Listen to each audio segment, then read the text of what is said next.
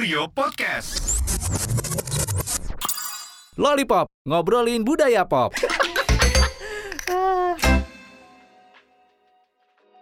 Welcome back, another episode Lollipop masih bersama gue Agung Mustika. Kalau ada satu hal yang bisa disyukuri ya karena pandemi ini itu terjadinya peningkatan kesadaran gaya hidup sehat gitu. Karena banyak aktivitas di rumah jadi bisa nyempetin waktu buat olahraga, bisa misalnya lari pagi atau sepedahan pagi atau sore atau workout aja di rumah. Terus banyak juga teman-teman gue yang mulai cobain makanan plant based, terus yang ngurangin minyak, garam, gula segala macem. Sebenarnya bisa jadi semakin sehat atau semakin tidak sehat sih. Karena ya gue pun juga banyak punya temen yang kayaknya malahan tuh makin susah tuh ngontrol hidup sehat kayak makannya makin gak dijaga. Terus jam satu malam masih mungkin karena capek gitu ya nggak nggak kuat di rumah lama-lama. Jadi ya pengalihan stres itu bisa kemakan gitu. Karena gue pun juga masih berusaha ya ngomong-ngomong jadi kalau gue pribadi tuh makan bisa itu dikit. Cuman yang kadang nggak kekontrol itu ngemilnya. Karena kan kalau udah gue makan kacang gitu tahu-tahu wih sebungkus habis. Terus kadang-kadang gue pikir itu lucu deh orang-orang. Makan enak atau jajan itu embel-embelnya self reward atau self love. Ini bukan judging ya cuma ya gue kadang-kadang agak ya lebih ke lucu aja sih kenapa sih banyak orang menggunakan alasan self love dan self reward itu. Maksud gue ya udah bilang aja lu lapar jadi pengen makan enak gitu atau pengen jajan. Tidak perlu mengadi-ngadi self love menurut gue ya maksud gue makan enak itu bisa jadi self reward juga kalau lu habis ngalamin sesuatu apa dan lu achieve sesuatu. Ya boleh juga tapi ya gue rasa tidak bisa terus jadi alasan deh gitu. Sekali-sekali boleh lah cuman kalau memang alasannya lapar tapi lu menjustifikasi bahwa itu self love ah itu hati-hati aja. Anyway ngomongin olahraga gitu ya. Dulu gue tuh berpikir bahwa olahraga sambil dengerin musik itu buat gegayaan doang. Ternyata gue salah. Karena dengerin musik itu ternyata punya banyak manfaat. Kalau yang gue baca di klik dokter musik itu bisa mengalihkan perhatian dari rasa nyeri dan lelah. Selain itu musik juga bisa meningkatkan suasana hati dan ketahanan Nah, tapi untuk memanfaatkan musik secara maksimal, tentunya lu tuh mesti milih lagu yang sesuai gitu. Jadi tempo musik mesti bener-bener cepet supaya meningkatkan denyut jantung.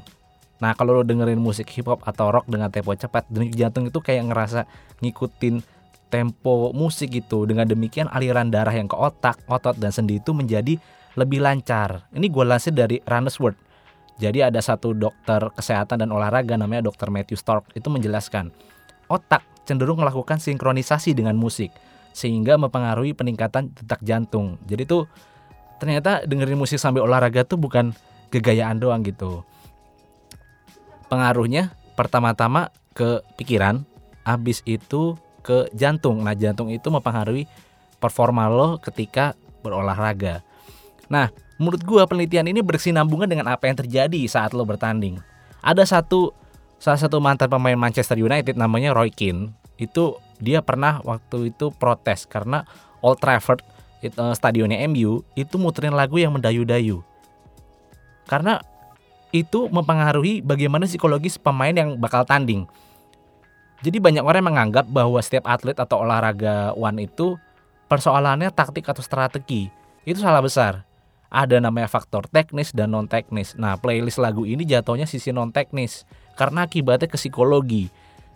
Nah, psikologi saat lu bermain itu bisa ngaruh ke bagaimana lu menjalankan rencana taktik lu ketika bertanding. Apalagi ketika lu tanding turnamen, masalahnya auranya tuh beda gitu.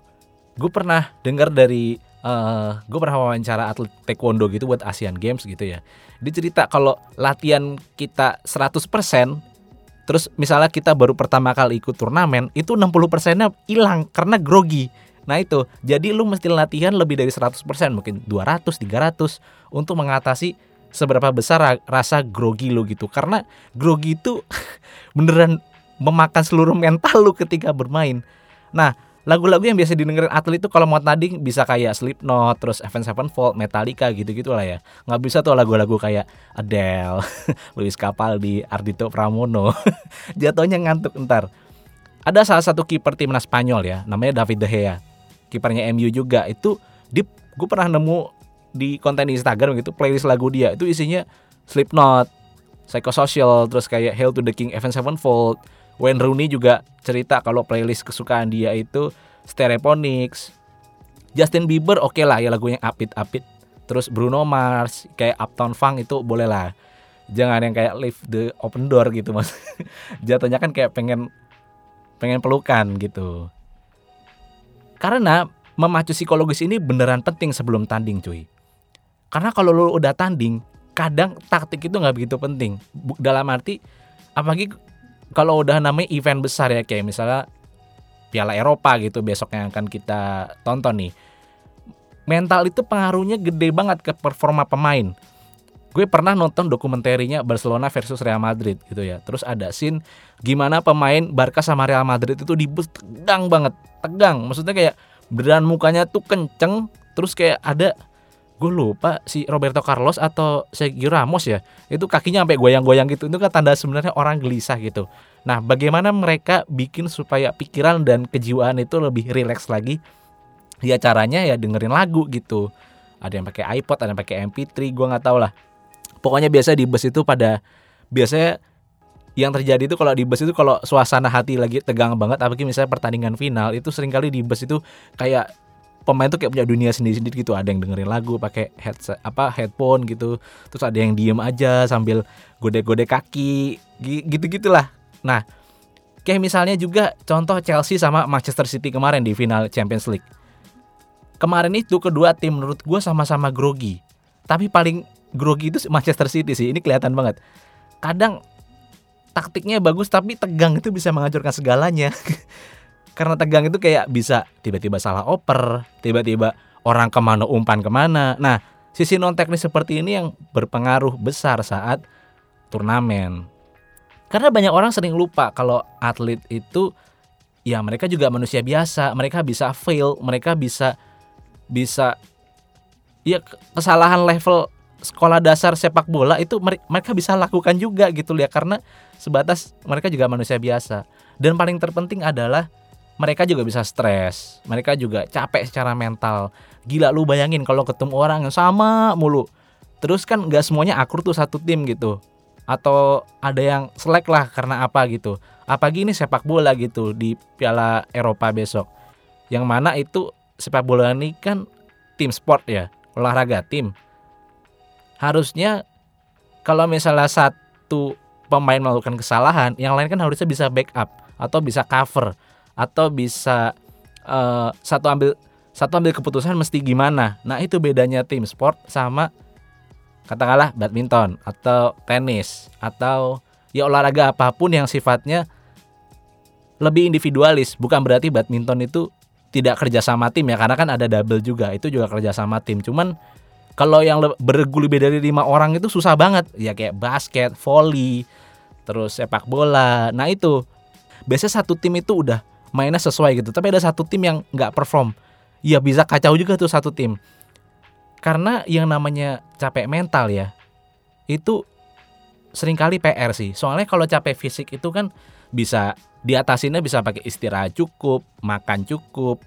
Yang penting tuh itu kalau misalnya atlet orang suka lupa. Gue waktu itu pernah bikin kontennya juga di Clipping Kurio itu ada banyak cukup banyak apa namanya pemain sepak bola yang masih belia gitu diforsir latihan terus sampai klubnya ini lupa kalau yang penting itu istirahat maksud gue istirahat itu juga penting jadinya ya sakit bahkan ada yang meninggal dunia juga karena diforsir nah makanya nama olahraga itu kan hasil dari kita membakar kalori gitu ya efek-efek di otot itu dan seluruh reaksi yang terjadi pada tubuh itu kan terjadi ketika istirahat. Nah, orang-orang tuh suka lupa bahwa uh, mereka juga butuh istirahat fisik.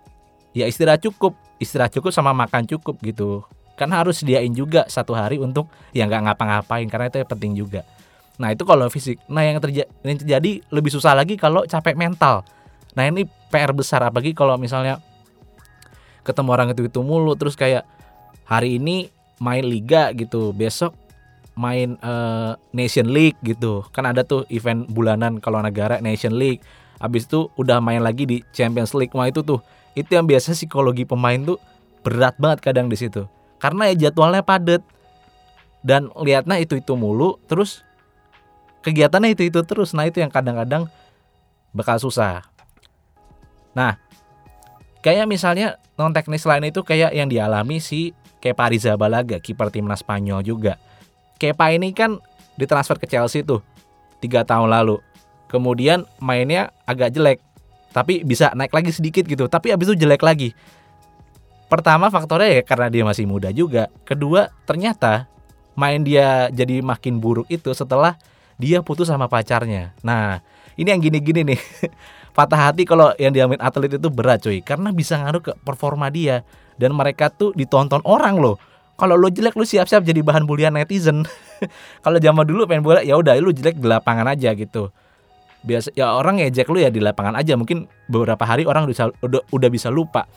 Cuma kalau zaman sekarang namanya udah zaman medsos, udah lu main jelek, lu ngelakuin bikin kesalahan apa aja, blunder gitu misalnya kiper dioper nggak tahu opernya ke musuh gitu atau salah nendang. Nah, udah lu habis dah sama netizen. nah, gitu-gitu yang sebenarnya butuh non teknis, butuh kerjasama tim di luar strategi. Kayak misalnya staffnya itu ngasih tahu pemainnya atau ngasih penghiburan apa secara psikologis pelan-pelan. Jadi biar bisa performanya terjaga. Nah ngomongin bola pas banget nih. Di Kurio bakal ada Lipsus Piala Eropa 2021. Jadi di Kurio lu bisa nikmatin banyak banget konten soal sepak bola. Mulai dari artikel terus juga ada podcast soal Piala Eropa karena gue juga suka baca bola jadi ya kalau lo lihat apps kuliah gue itu isinya bola semua sih.